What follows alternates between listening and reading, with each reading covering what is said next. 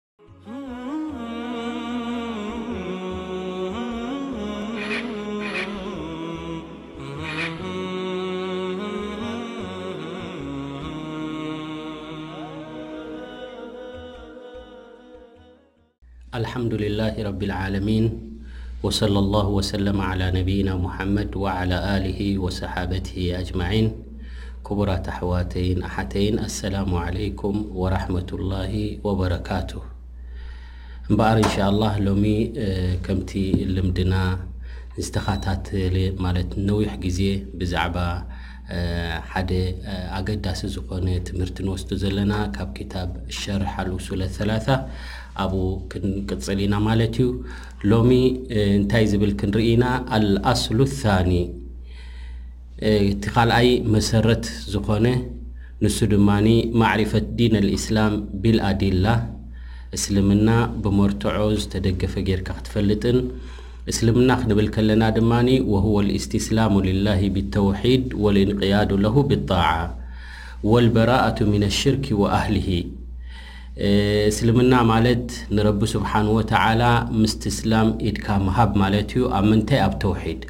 ብጀካ ሓደ ኣላህ ሱብሓነሁ ወተዓላ ተዘይኮይኑ ብሓቂ ከነምልኾን ክንግዝኦ ዘለናን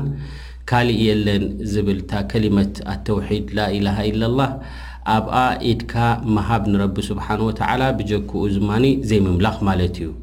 ከምኡ ውን እቲ ትእዛዛት ናይ ረቢ ሱብሓነሁ ወተዓላ መጺኡ ዘሎ ሕራይ ኢልካ ንዕኡ ተኸታሊ ምዃንን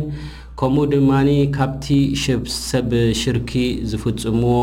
እቲ ሽርክ ይኹን ካብኣቶም ድማ በሪእ ምዃን፣ ነጻ ምዃን፣ ማለት እዩ። እስልምና ሰለስተ ደረጃታት ኣለዎ፣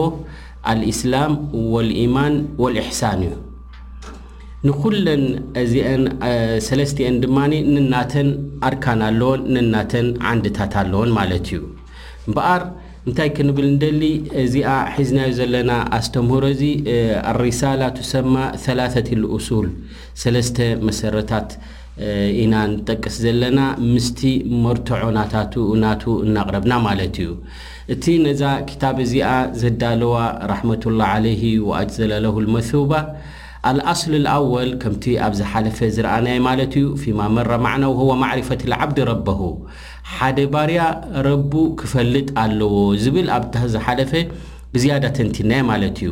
ያዕኒ ማዕቡደሁ ኩላ ግዜ ኣብዚ ክንመሃሮ እንከለና ኣብዚ ናይ ኡሱለ ሰላሳ ንገልጾ ዘለና እታ ረብ ትብል ስኒ ማዕቡድ ማለት እዩ ትግዝኦ ማለት እዩ ኢልና ሊኣነ ረብ ብማዕና ኣልማዕቡድ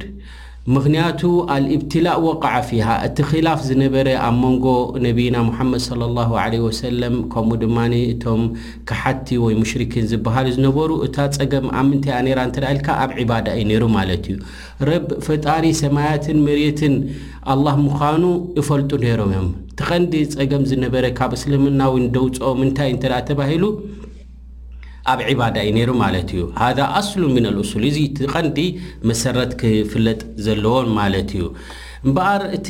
ከምቲ ኣብ መእተዊ ናይዚ ክታብ እዚ ዝገለጽናዮ ሓደ ሰብ ካብዚ ዱንያ እዚ ምስ ተፋነወ ምስ ሞተ ማለት እዩ ኣልመቕቡር ወይ ድማ ንመይት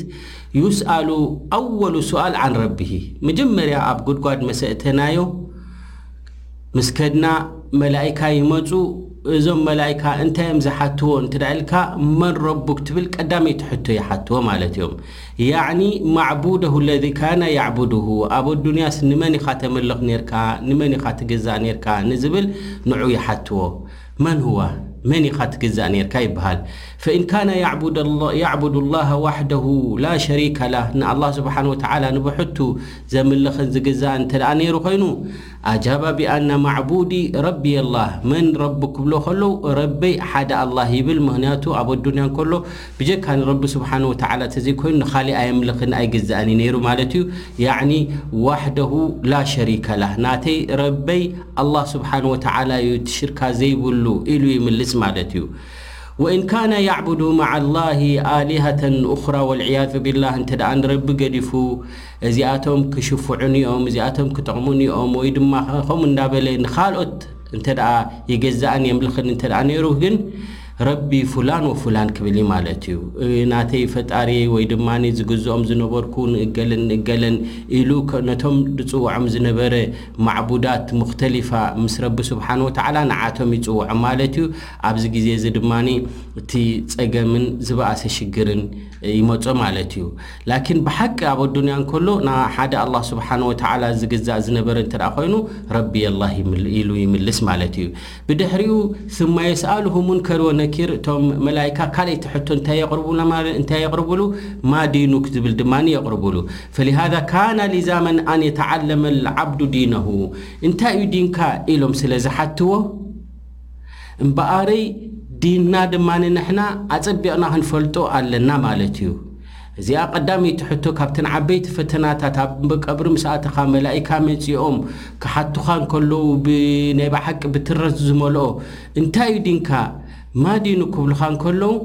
ዲንየ ልእስላም ኢልካ ምእንቲ ክትምልስ ኣብ ኣዱንያ ከለኻ እቲ ዲንካ ብሓቂ ትፈልጦን ብኡ ትምራሕ እንተ ኮይንካ ክትምልስ ትኽእል ማለት እዩ በል ናይ ግድን ይኾነና ብኣዲላ ብመርትዖታት ዝተደገፈ ጌርና ውን ክንፈልጦ ኣለና ሓታ የኽሩጅ ዓን ተቅሊድ ምኽንያቱ ኢሎሞ ወይ ጌሮሞ ጥራሕ ኢሉ ዝግዛእ ዘይኮነ እንታይ ደኣ ረቢ ስብሓን ወተዓላ ብኣፍልጦ ዩ ትግዝኦ እንተ ኔርካ ኮንካ ብትኽክል ክምልስ ስለ ዝኽእል ትዝሕተ ሰብ ወየኩኑ እዕትቃድሁ ብሃذ ዓን ዕልም ወማዕሪፋ ወበሲራ ፍልጠት ዘለዎ ዕምቆት ዘለዎ መልሲ ክትምልስ ኢኻ ማለት እዩ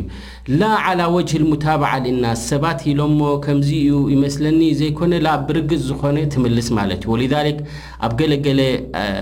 ሪዋያት ናይዚ ሓዲስ እዚ ኣሎ ማለት እዩ እቶም መላኢካ መፂኦም ምስ ሓተትዎ ስኒ ይብሉ ነቢ ዓለይሂ ሰላቱ ወሰላም ወኣመ ኣልሙናፊቁ ኣው ቃለ ኣልፋጅር እቲ ሙናፊቅ ዝኾነ ወይ ድማ ንፋጅር ዝነበረ ካብ መንገዲ ወጺኡ ዝነበረ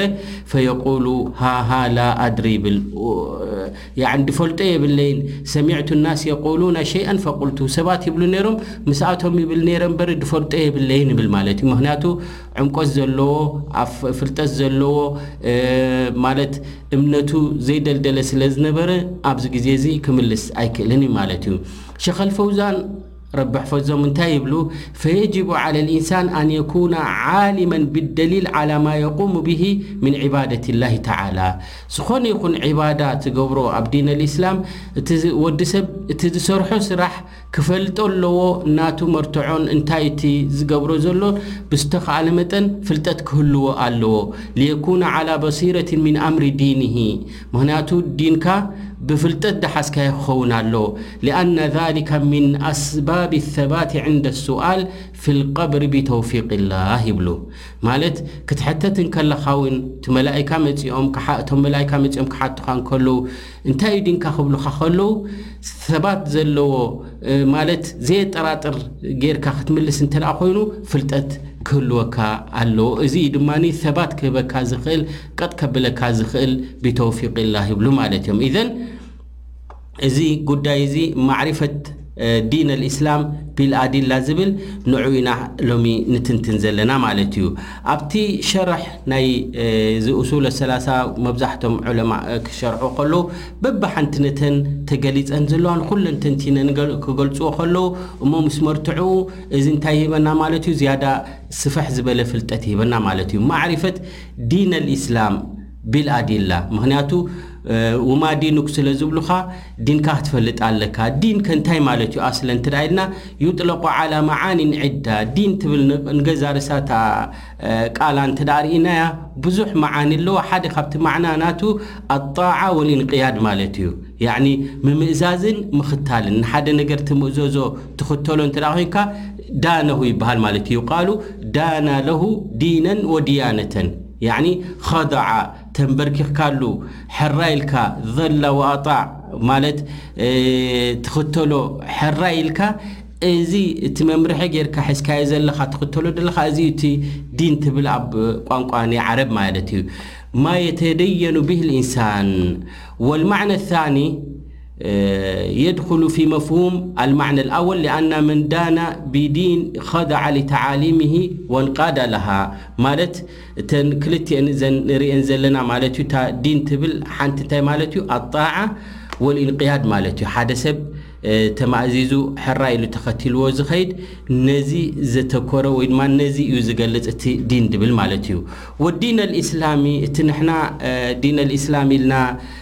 ንእዘዞ ደለና ንኽተሎ ዘለና ሕራይ ኢልና ብኡ ተንበርኪኽና እዚ መንገዲ ናይ ረቢ እዩ ኢልና ንኹሉ ንቕበሎ ደለና ሁወ ዲን ኣለዚ በዓሰ ላሁ ብሂ ሙሓመደን ሰለላሁ ዓለይሂ ወሰለም ናብ ረሱል ሰለላሁ ዓለይሂ ወሰለም ዝተልኣኸ ዲን ንሱ እዩ ማለት እዩ። እዚ እዚ ዲን እዚ ናብ ረሱል ሰለላሁ ዓለይሂ ወሰለም ዝተለኣኸ ድማ ኻቲመት ኣልኣድያን መደምደምታ ናይ ዲ ናይ ሃይማኖታት እዩ ማለት እዩ። ወኣክመለሁ ሊዕባዲሂ ረቢ ስብሓነሁ ወተዓላ ድማ ነዚ ዲን እዚ ምሉእ ገይሩልና ማለት እዩ። ወኣተማ ቢሂም ዓለይሂ ኣኒዕማ እቲ ኩሉ ኒዕማታት ኣብዚ ዲን እዚ መሊኡልና እዩ ማለት እዩ። ኣይ ዲን ኣልእስላም ኣለዚ በዓሰ ኣላሁ ብሂ ነቢየሁ ሰለ ላሁ ዓለይሂ ወሰለም ድማ እዚ ዲን እዚ ናብ ረሱል ሰለ ላሁ ዓለይሂ ወሰለም ተላኢኹ መጺኡ ዘሎ ወይ ድማ እዚ ዲን ኣልእስላም ሰላሰት እሱስ ኣለዎ ሰለስተ መሰረታት ዝሓዘ ማለት እዩ እንታይ እታ ዲን ኣልእስላም ክንክልና እታ እስልምና ትብል ሰለስተ መሰረታት ኣለዋ ማለት እዩ እንታይ እንታይ ዝሓዘት እያ ኣልእስትስላሙ ልላሂ ብተውሒድ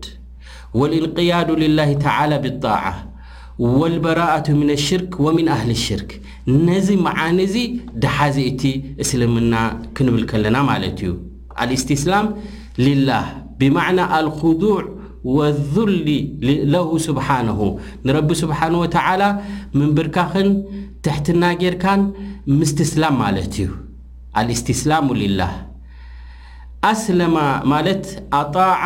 ሚን ኣጣዐ ወልኢዝዓን ማለት እዩ። ኣስሊሙ ያኒ ኣስለማ ትብል ኣብ ቋንቋ ዓረብ ምስትስላምን ምእዛዝን ማለት እዩ። ኣብ ቁርኣን ኣልከሪም ብዛዕባ እዚ ዝምልከት ማለት ከተስተስልም ከም ዘለካ ሐራይ ኢልካ ክትቅየድ ከም ዘለካን ብዛዕባ ከምቲ ኣብታ ኣን ኢናባ ክንገልጽ ከለና ዝጠቐስናያ ማለት እዩ ኣብ ሱረት ዙመር መበል ሓምሳን ኣርባዕተን ኣያ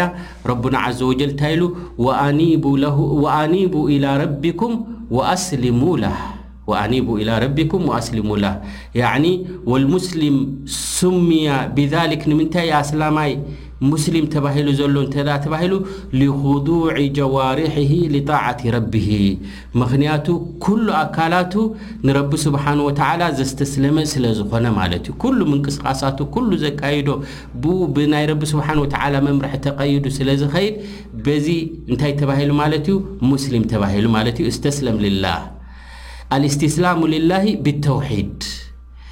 ንኢድካ ኢድካ ትህበሉ ዘለካ ንረቢ ስብሓን ወተዓላ ኣብ ምንታይ ትቐንዲ እንተ ኢልካ ኣብ ተውሒድ ማለት እዩ ተውሒድ ክንብል ከና ሃዛ ሻሚሉን ሊተውሒድ ኣረቡብያ ወተውሒድ ኣልኡልህያ ፈጣሪ ሰማያትን መሬትን ይኹን ንዓና ዝፈጠረ ንኩሉ ዝፈጠረ ሓደ ኣላህ ምዃኑ ምፍላጥ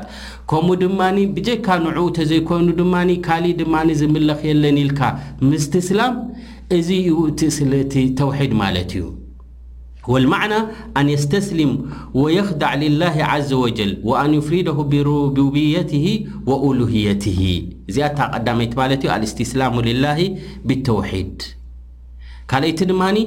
ኣል ወልኢንቅያዱ ለሁ ብጣዓ ማለት ኣብ ዝተኣዘዝካዮ ኩሉ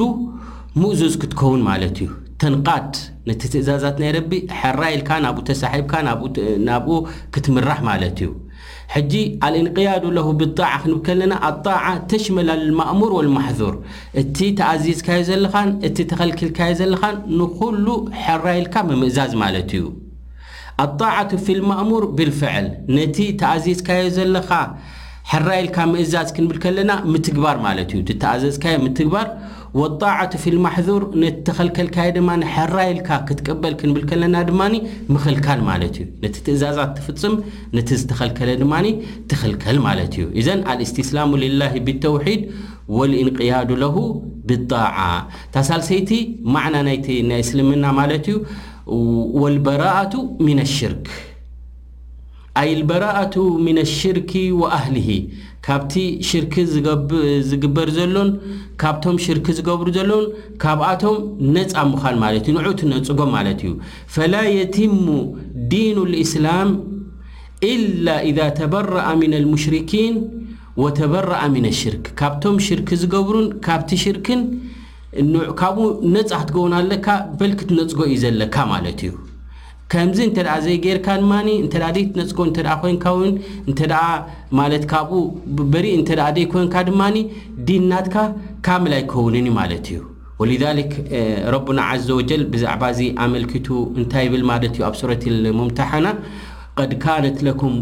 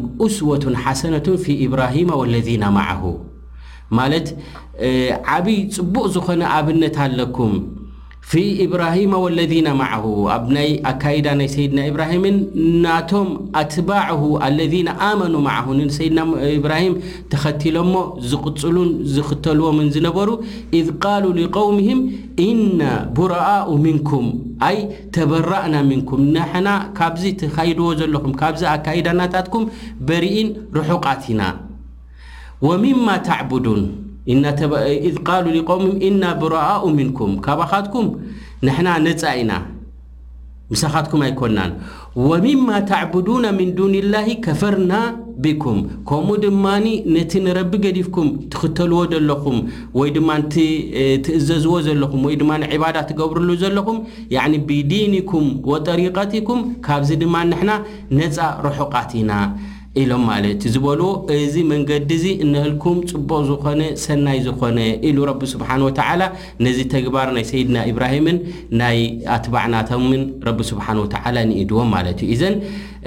ማዕሪፈት ዲን ልእስላም ዲን ልእስላም ክንፈልጦ ከም ዘለና ማለት እዩ እሞ ብመርትዖ ዝተደገፈ እቲ እስልምና ክበሃል ከሎ ድማ እስትስላም ምዃኑ ኢድካ ምሃብ ንረቢ ስብሓን ወተዓላ ሊላሂ ብተውሒድ ብኣብ ተውሒድ ሕራይ ኢልካ ፈጣሪኻ ረቢ ስብሓን ወተዓላ ምዃኑ ፈሊጥካ ከምኡ ድማ ንዑ ጥራሕ ምትግዝኦ እንከለኻ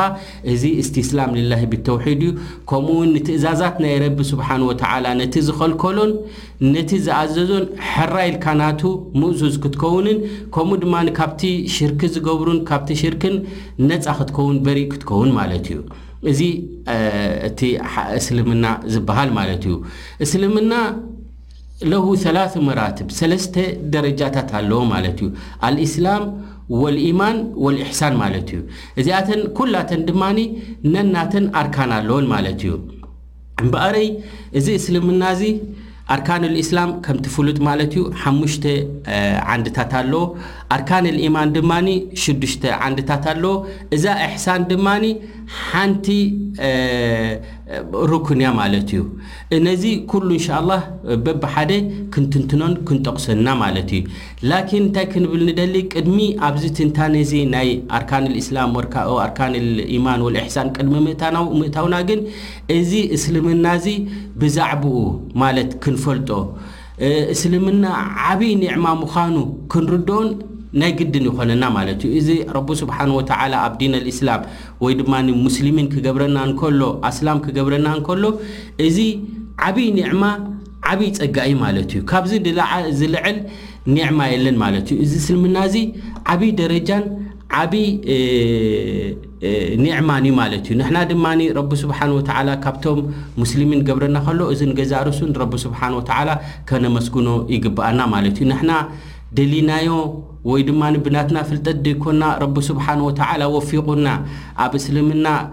ክትውለድ እንከለኻ በቲ ረቢ ስብሓን ወተዓላ ፍጥራ ኣብታ ዝፈጠረካ ብኣ ክትጓዓዝ እንከለኻ እዚ ዓብዪ ኒዕማ እዩ ነዚ እምበኣረይ ነዚ ኒዕማ እዚ ፈሊጥና ድማ ንዑ ኩላ ግዜ ተኸተልቱን ኣጸቢቕና ክንሕዞን እሞ ድማ ረቢ ስብሓን ወተዓላ ከነመስግኖ ዝግብኣና ዒባዳ ወይ ድማ ሽኩር ክንገብረሉ ዘለና እዚ ኒዕመት ልእስላም እዩ ማለት እዩ። ኣልእስላም ለሁ ኸሳኢስ እስልምና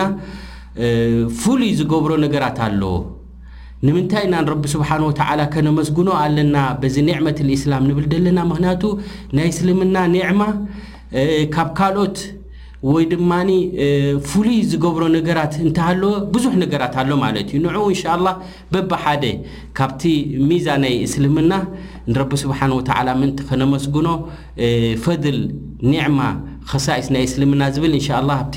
ድመፅእ ትሕዝቶና ክንገልፆ ኢና ማለት እዩ ወነስኣሉ ላህ ዓዘ ወጀል ቢመንሂ ወከረምሂ ኣተውፊቀ ወሰዳድ ወሰለ ላሁ ወሰለመ ዓላ ነቢይና ሙሓመድ